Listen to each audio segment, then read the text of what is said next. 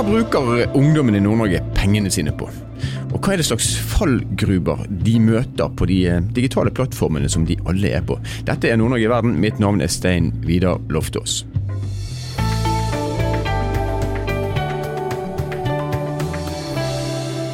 En helt ny undersøkelse, som eh, du kan lese på eh, Kunnskapsbanken, kbnn.no, kartlegger pengebruken og holdningene til økonomi blant ungdom i Nord-Norge. Og eh, Litt senere i denne sendingen skal vi snakke med seniorrådgiver i Forbrukerrådet, Thomas Iversen, om pengebruk da i dataspill. Men aller først, Linda Tofteng Eliassen hun er forbrukerøkonom i Sparebank1 Nord-Norge, og hun kjenner problematikken rundt ungdoms pengebruk godt, og nå er hun tilbake her hos oss i studio. Hjertelig velkommen, Linda. Takk. Du, jeg tenkte jeg skulle, Vi skal selvfølgelig skjele til denne undersøkelsen som er gjort, men faktum er at eh, sammen med um, Ungt Entreprenørskap så har Sparebanken Nord-Norge vært ute i ungdomsskolene og i videregående skolene i årevis. Ja, i ti år. Ti år, det er jo faktisk jubileum til og med. Mm. Og du er en av de som har vært med praktisk talt hele veien. Når du snakker med ungdommene, hva, hva er inntrykket ditt av deres kompetanse og kunnskap og kjennskap til økonomi? At den er for lav. En ting er jo at vi ser og skjønner det, vi som er voksen. Eh, En annen ting er vel for så vidt at de erkjenner det mye sjøl. Når vi på en måte har hatt ei økt sammen med dem, så sitter de jo igjen og er litt sånn oi, her var det mye å kunne. Eh, Og det er viktig at vi gjør det, fordi at tallene viser jo at de verktøyene du trenger når du er 18, 19 og 20 år, har dem ikke. Vi har mange bevis som på en måte på at de har fått for lite med seg. Men ser du noen endring? Altså, over ti år, det, blir det bedre, blir det dårligere? Nei, si, det er litt synd å si det, men det er jo blitt litt dårligere. Vi har jo vært i en periode hvor vi har hatt, hvis vi nå ser bort fra akkurat denne høsten, så har vi jo hatt veldig god økonomi i Norge. Vi har hatt lav arbeidsledighet, vi har hatt masse folk i jobb, og vi har, det har vært et stort rom mellom det som har vært faste utgifter og det vi har hatt utbetalt, som har gitt oss blant verdens høyeste forbruk. Og dette påvirker de unge. Du kan si vi foreldre, for det første så har vi prata mindre om økonomi hjemme fordi at det har gått greit for de fleste av oss. Det andre er jo det at vi er rollemodeller for våre unger. Så når jeg har en 14-åring som kommer til meg og sier mamma, jeg trenger en ny hettegenser, så jo, har jo ikke mitt problem vært om jeg har hatt råd til det, det har jo vært når de skal få tid til å kjøpe den. Og da er jeg rollemodell. I tillegg til at jeg må si til hans sønn du har jo fem hettegensere, så la oss være enige om at du ikke trenger den, men du ønsker den. Ikke sant? Så så lett eh, gir vi gale signaler, og så skal jo på en måte disse ut og styre sin egen økonomi fra kanskje 18-19-20 år. Det er et interessant perspektiv, at man, eh, kunnskap om økonomi ofte vil være viktigere når det er lite penger enn når det er mye penger, Ikke kan man sant? kanskje si. Ja, jeg er helt enig. Men hvis vi ser på den undersøkelsen som nå er gjort, og den er gjort i løpet av 2022, eh, når man har gjennomført disse sjef i eget liv og, eh, og det man gjør i ungdomsskolen. Ja, økonomi og karrierevalg. Takk skal du ha, økonomi Mm. og karrierevalg. Eh, hva vet vi om hvor ungene får pengene sine fra? Ja, I hovedsak er det fra foreldrene sine i Mm. dag. Og så ser vi i videregående at det er mange som også tjener noen penger ved siden av. Men det er ikke så lett å få jobb, og det er ikke alle som ønsker det. Det vet vi for så vidt fra foreldrene. Og så vet vi det at eh, det er, noen har et fast beløp å forholde seg til, men de fleste faktisk får etter behov. Akkurat. Vet vi hvor mye de får? Ja, det vi har klart å hente ut når vi spør ungene sjøl, og ikke foreldrene, er at de på ungdomsskolen sier at de får i et snitt på rundt 500 i måneden, og så på videregående opplyser de at det snittet er nærmere 800. Mm, Det er det de får fra foreldrene. Ja. og så kommer det de eventuelt tjener da som et tillegg til dette. Helt riktig. Men det er jo en fare, ikke en fare, men en snittberegning vil alltid være en snittberegning. Den sier lite om de som får, får minst og de som får mest. Og vi snakker jo i dag om et økende fattigdomsproblem. Mm. Klarer vi å se av disse undersøkelsene her at det kanskje er noen som nå ikke får noe i det hele tatt, eller? Nei, vi gjør vel egentlig ikke det, annet enn at hvis vi har noen som svarer at de ikke vet, så går jo det an til å tenke at det kanskje er noen som får mindre. Det vi vet om det her, det er jo det at vi til enhver tid i Norge har 10-13% som lever midlertidig eller på lang sikt i en sånn lavinntektssituasjon. Og, og de her 10-13% har 115 000 unger. Eh, og klart at hvis at du lever i en familie hvor lav inntekt er en utfordring, så vil det gjenspeile seg i at du får mindre. En, en annen ting er jo de siste årene, og kanskje spesielt under pandemien, så har vi vært veldig opptatt av sparing. Og det har vært ganske enkelt å spare. Det høres kanskje arrogant ut å si det, men vi har hatt mindre å bruke penger på. Ja. Eh, og så sier du nå at mange, veldig mange av ungene får penger etter behov. Ja. Betyr det at de bruker opp de pengene de får på det behovet som de da har definert, eller ser vi en tendens også at den yngre generasjonen er opptatt av sparing? Ja, og, og, her sier de, over halvparten sier at de sparer litt sjøl, og så er det mange som tilkjennegir at de vet at også foreldrene sparer til de, at det har vært på en måte et tema hjemme. Så de sier at de er flinke å spare, og så vet vi at de har et veldig høyt eh, forbruk. Så jeg har på en måte ikke vært inne og sett på data på noen sitt fødsels- og personnummer som er 16 år, er det bare brukskonto, eller er det også sparekonto? Når at jeg ute i skole har ei håndsopprekning og spør er det mange her som sparer, og så tar vi vi en runde på hva er det folk sparer til, så satt nå jeg med et inntrykk at det var mindre enn halvparten som gjorde det. Ja, og så har jeg nå mine egne unger, og de sparer jo, eh, men det er jo en del av oppdragelsen at hvis de skal få noe. Og det som er interessant, og det her er viktig tenker jeg for alle foreldre, for jeg tror vi trenger litt kunnskap som foreldre til hvordan kan vi liksom lett lære dem litt mer, siden vi er nødt til å gjøre det. Og det er jo det at jeg kan ha et barn som spør meg om han kan få den mobiltelefonen her, og så er den kjempedyr, og så svarer vi at det har vi ikke råd til. Men hvis du vil spare til den, så må du gjerne gjøre det sjøl. Og så ser vi at ungene sparer, men når du må spare over lang tid og legge egen innsats i det, så velger de ofte en mye billigere modell. Så det er jo risikoen når at ungene på en måte får etter behov, og i mindre grad må delta sjøl, bidra sjøl for å oppnå disse tingene. Vi ser at hvis du må jobbe for det, hvis du på en måte må tjene pengene sjøl, så blir du mer gjerrig enn hvis du bare får. Og hvis du er sønnen til en forbrukerøkonom, så får du ikke en ekstra hettegenser, og du, du, må kjøpe mobiltelefonen din sjøl. Sånn skal det være. Det er sånn vi forventer at det skal være. Men Linda, tilbake til eh, undersøkelsen. Hva er det ungdommene, eh, altså enten de nå får penger til behov, eller de, de kjenner pengene sjøl eller får ukepenger, hva er det de bruker pengene til? Ja, eh det er mest mat, faktisk. Mat? Ja, og, og med mat så trenger de ikke jeg på å si, Vi snakker kanskje ikke om ris og kjøttdeig, men vi prater om ting som de kjøper i kantina. Det er veldig mange skoler som har velholdte kantiner. Ikke uvanlig når jeg er der at de kan legge igjen 100 kroner om dagen. ikke sant? Det er lunsjen, og så er det en pause. 100 kroner om dagen hvis du har 191 skoledager, er 20 000 i året, bare mm. så det er sagt. Ja. Og så er det noen går innom butikken til eller underveis på skole, eller etter skole. Og så er det jo ikke sant på fritida di, hvis at du er på et tettsted hvor det finnes et gatekjøkken eller en kafé, så supplerer man også.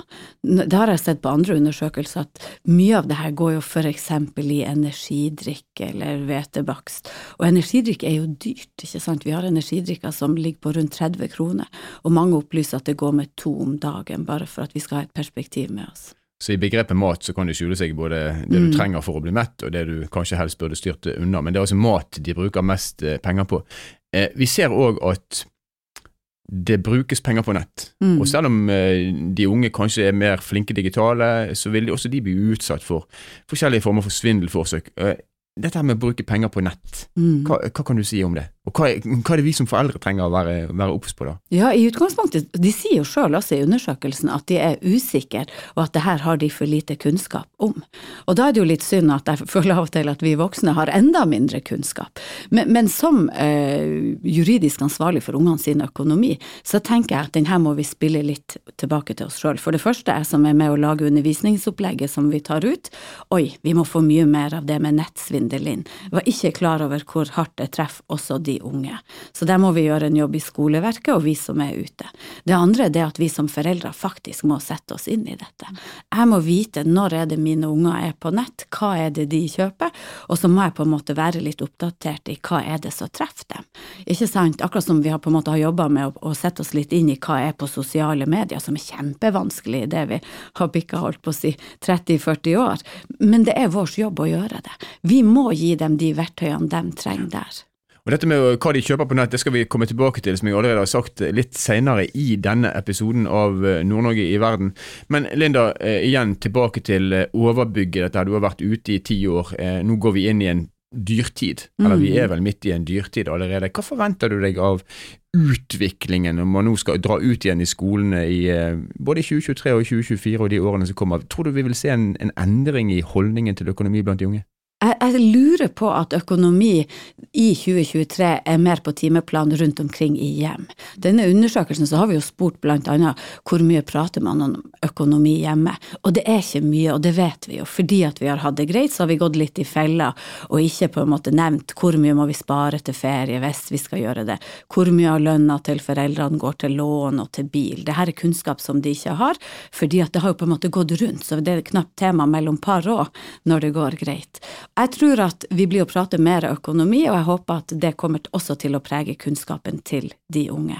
Mange av de unge vil jo antageligvis også oppleve for første gang at foreldrene sier det har jeg ikke muligheten til, det har jeg ikke råd til. Vi vet at mange av dem i videregående som jobber sjøl, er for å kunne kjøpe dyre merkeklær, for presset er kjempehøyt. Og der tipper jeg jo at foreldrene i større grad blir å sette litt brems på. Det vil bli vanskelig å kjøpe en jakke til 8000 til en 16-åring når alle priser på lån og drivstoff og mat er gått så betydelig opp.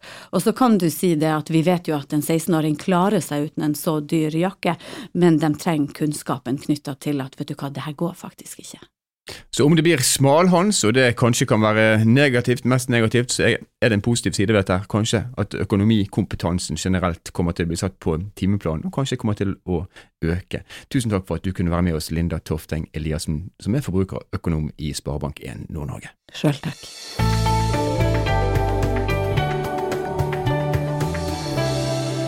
Over halvparten av unge gutter i Nord-Norge har altså ifølge denne undersøkelsen brukt penger på kjøp gjennom spill, dataspill. Og Nå skal vi snakke med Thomas Iversen, som er seniorrådgiver og forbrukerjurist i eh, Forbrukerrådet om nettopp dette. Og velkommen til oss, Thomas. Tusen takk. Du, for å starte med det elementære, er, er, det egentlig noe problem at, unge, at ungdom bruker penger på, på dataspill? Nei, det burde egentlig ikke være det. Fordi eh, det bør egentlig ikke være noe skille mellom å bruke penger i dataspill eller bruke, bruke penger på andre ting, enten det skal være klær eller, eller kinobilletter. Problemet vi ser, er at uh, tingene og tjenestene som markedsføres gjennom spillene, ofte er uh, mye mer målretta enn andre typer, uh, andre typer, salg. Noe som gjør det mye lettere å bruke mer enn du, du kanskje planla. Hva, hva, mener du med det, altså at det er målretta? Når du sitter eh, inne i spillet og, og, spiller, så vet jo spillprodusenten veldig mye om deg og vet mye om dine, dine vaner. og vi, vi, ser jo at markedsføringa som da kommer, ofte er veldig, veldig god og veldig målretta, noe som, som, gjør at den, den, selvfølgelig treffer veldig godt. Og Det, det betyr jo at du, du, lett kan bli lokka til, til, å kjøpe mer enn det du kanskje ville gjort hvis butikken hadde vært litt mer statisk og, og litt mer som en uh, vanlig holdt jeg på å si, butikk. da. Ta deg i øyeblikket, rett og slett. Men hva, hva, er det de, bare for å forklare oss som ikke er så bevandra i hvordan dette her er bygd opp, hva er det de unge kjøper gjennom disse dataspillene? Det, du, man kan, det man kan kjøpe i dataspillene kan egentlig deles i, i, to biter. Vi kan snakke om eh, der ungdommene eller andre kjøper eh, noe der de vet hva de får. Og så er det de tilfellene der du kjøper ting du, du ikke vet hva du får. Den, den første biten handler jo om at du typisk kjøper tilleggsutstyr til spillfiguren din, du kan kjøpe kosmetisk innhold, eller du kan kjøpe abonnementer til, til hendelser eller uh, andre, andre, ting da, på, i selve spillet. Mm. Men uh, et sted vi har sett enda litt mer problemer, er jo knytta til, uh, til der du, du, kjøper noe du ikke vet hva er, såkalte lootboxer, eller forundringspakker på norsk, da, som i praksis er virtuelle flakslodd der du har uh, sjansen til å, til å, trekke et eller annet spillrelatert innhold ut av, ut av esken. Men der sjansen er selvfølgelig veldig lav for å få noe som, som svarer seg til prisen. Da. Ja, En digital lykkepose, som vi ville kalt det for for noen år siden? Ja, rett og slett en digital ja. lykkepose eller forundringspakke, der du noen ganger får oppgitt noen veldig veldig lave odds, andre ganger ikke får oppgitt noe som helst, og der ofte innholdet i denne lykkeposen Eh, vil kunne gjøre deg bedre i spillet. Altså det vil inneholde, kall det prestasjonsfremmende uh, innhold. da. Enten det er bedre fotballspillere i et uh, fotballspill, eller bedre våpen i et, i et krigsspill. Ja, akkurat. Du, I denne undersøkelsen så virker det som at det er gutter primært som, eh, som, da handler på nett via dataspill. Er det her en isolert problemstilling for gutter, eller eh, gjør jentene det samme? Nå er det jo sånn at uh, guttene tradisjonelt sett har spilt mer enn jentene, men vi har sett at, eh, at jentene har eh, eh, tatt innpå guttene de siste årene når det gjelder eh, hvor mye de spiller, og, og en del undersøkelser landsdekkende viser at, at også jenter spiller en del, og at også jenter kjøper, kjøper eh, i, i spill. Men, eh, men så her må vi nesten snakke om at unge, og hvis ikke bare snakke om spillere generelt, handler eh, for eh, mye penger hvert år. Og vi ser jo at spillindustrien er jo en, en milliardindustri globalt. Men det, det du egentlig pirker i da, det er at det her er ikke en problemstilling som, som utelukkende handler seg om spill, selv om spill sikkert er en, en veldig god plattform for å få eh, kontakt med, med en eventuell kjøper på. Ser dere de samme metodene brukt på andre digitale plattformer, eh, andre former for netthandel? Ja, det gjør vi jo. Når vi snakker om eh, markedsføring i digitale flater, så, så er det viktig å huske på at markedsføring finnes jo overalt, og alle som skal selge noe, driver jo en eller annen form for markedsføring. Markedsføring i sin natur handler jo til en viss grad om manipulasjon. Du skal jo få lyst til å kjøpe det jeg selger, Eh, men der, der, den, eh, den manipulasjonen blir ulovlig, og for Der mener vi det bør strammere regulering inn. Og når du sitter og har det gøy i et eh, dataspill f.eks., og, og særlig når det er barn og unge som, som holder på med det, så er det jo veldig lett at eh, den ganske målretta markedsføringen som fins, fort kan bli ulovlig manipulativ. Og nå, er, nå jobber du i Forbrukerrådet, og dere skal være på forbrukerens eh, side i, eh, i saker som dette her også. Eh, hvis man ser på lover og regler som, som, er, som er der for å beskytte kanskje spesielt barn og unge mot det som man kanskje kan kalle for manipulerende virkemidler, eller manipulerende markedsføring, hvis jeg kan våge meg på et sånt uttrykk, har vi et regelverk og et regelsett som er godt nok for å kunne demme opp for dette? Vi har i hvert fall et regelverk som kan benyttes til en viss grad, og i Norge så har vi jo markedsføringsloven eh, som kommer fra og er basert på felleseuropeiske regler om, om, om markedsføring. Reglene forbyr villedende, aggressiv og urimelig handelspraksis, dvs. Si markedsføring som utnytter eh, forbrukeren i sårbare posisjoner, og som får deg til å gjøre økonomiske eh, valg du ellers ikke ville gjort. Når det markedsføring rettes mot barn, så strammes regelverket ytterligere inn, og jo yngre målgruppen din, din er for markedsføringen, jo mer varsom må du i praksis være som, som næringsdrivende, og jo mindre skal det til før du trår feil og risikerer både overtredelsesgebyrer og, og forbudsvedtak. Men, men, hvordan håndheves dette her på det digitale? For altså En ting er jo før i tiden når man var i butikken og det hang en plakat der, eller man fikk en flyer i posten, men på digitale plattformer, hvordan klarer man å, å henge med for å ja, sikre at ikke man blir for aggressiv eller utnytter for sårbare situasjoner? En av eh, utfordringene med, særlig med spillmarkedet, er, er nettopp det. Det er vanskelig å føre et effektivt tilsyn. Flere årsaker til det spill, spillbransjen og spillmarkedet er jo internasjonalt. Helt internasjonalt. Aktørene eh, kommer fra hele verden. Spillene brukes i hele Europa, store deler av resten av verden. Eh, og i tillegg har vi sett at det har vært en eh, kan vi kalle det underforbruk av, av regler. Og et litt sånt, vært litt sånn blindsone for særlig spillmarkedet i, i regulatorisk øyemed.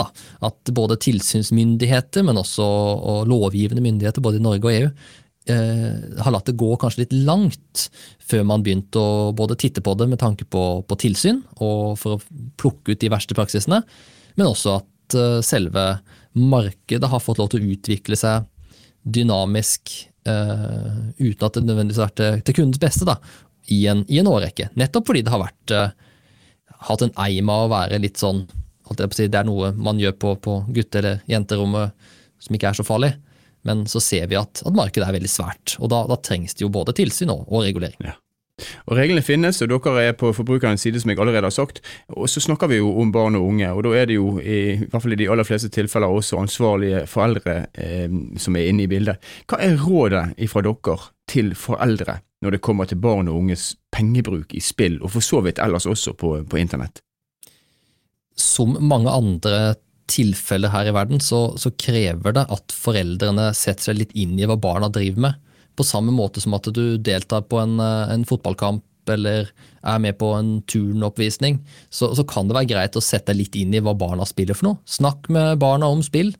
Eh, kanskje spill en runde med, med spillet sjøl, og bare se hva det går i. Gjør litt opplæring selv, sånn du vet hva det går i. Og, og, da er det både lettere å snakke om grenser, snakke om pengebruk, og du skjønner også kanskje litt mer hvor de risikoene faktisk, eh, faktisk sitter. I tillegg så, så, er det jo ofte sånn at det er foreldrene som sitter med, med pengeboka, og, og, må inn i bildet når det skal gjøres et, et kjøp eller to. Og, og, da er det viktig at man setter på de kjøpesperrene som, som fins innebygd i spillplattformen. Vi har dessverre sett altfor mange eksempler på at foreldrene legger inn betalingskortet sitt, og da særlig et kredittkort, og så blir det overtrukket fordi man ikke har satt på en betalingssperre eller, eller et eller annet. Og, og da kan jo fort, uh, fort pengene løpe veldig, veldig fort. Så også en økonomisk slagside for foreldrene kan være resultatet her, men eh, rådet er egentlig ganske enkelt og ganske likt eh, det vi opplever i mange andre situasjoner, nemlig vær tett på ungene dine, vit hva de holder på med. Ja, enkelt og greit, og det er lettere sagt enn gjort, selvfølgelig. Mm. Men det handler om å ikke bare avskrive det med spill som en, en fritidsaktivitet på skjerm som kanskje tar litt for mye tid. Eh, man må anerkjenne at barna ofte har et miljø der inne, og treffer vennene sine der inne og at det er en, en del av det sosiale livet. Uh, særlig når man spiller sammen med andre. Og, og det, hvis man begynner å anerkjenne det, da, så, så, kommer man jo ganske langt med tanke på både grensesetting og, og det å snakke om, om, pengebruk. Og når det er sagt, det kan jo være en grei måte for barna også å lære litt om, om pengenes verdi på. Eh, at man typisk får noe av ukelønnen sin eller en julegave i et eller annet eh, gavekort som kan brukes i spillet. Da får man jo brukt det som kanskje som man vil, og få, få testa litt hvordan det utvikler seg. Tusen takk for gode råd. Tusen takk for at du kunne være med oss, Thomas Iversen, som er seniorrådgiver og forbrukerjurist i Forbrukerrådet. Takk.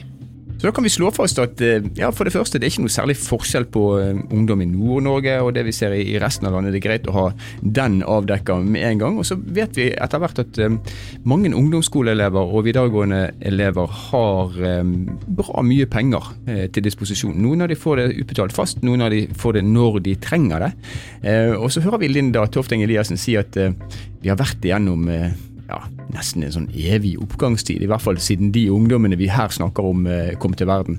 Og behovet for å drive økonomisk opplæring har kanskje ikke vært til stede, kan man kanskje si. Eh, det er først når det begynner å bli lite penger at det er viktig at man har et eh, godt forhold til økonomien. Og så hører vi da Thomas Iversen snakke om aggressiv markedsføring, der man på en måte tilbyr produkter i en spillsituasjon. Og det kan man jo egentlig ganske lett forstå. Hvis du sitter og eh, skal komme deg til neste nivå, eller skal skåre det neste mål, eller hva det måtte være, og så får du plutselig tilbud om en, eh, en liten ekstrapakke som skal gjøre det mulig for deg, så er det mm, lett å slå til på det. Og Så legger jeg til at eh, denne rapporten som vi har vist til flere ganger i denne episoden, den finner du på kbnn.no, kbnn.no, eller Kunnskapsbanken for Nord-Norge. Gå gjerne inn der og les. Det finnes også mye annet interessant stoff der. Nord-Norge i verden er en podkastserie som er laga av Sparebank1 Nord-Norge i samarbeid med Helt Digital. Musikken du har hørt er laga av Emil Karlsen. Mitt navn er Stein Vidar Loftaas. Vi høres igjen i neste episode.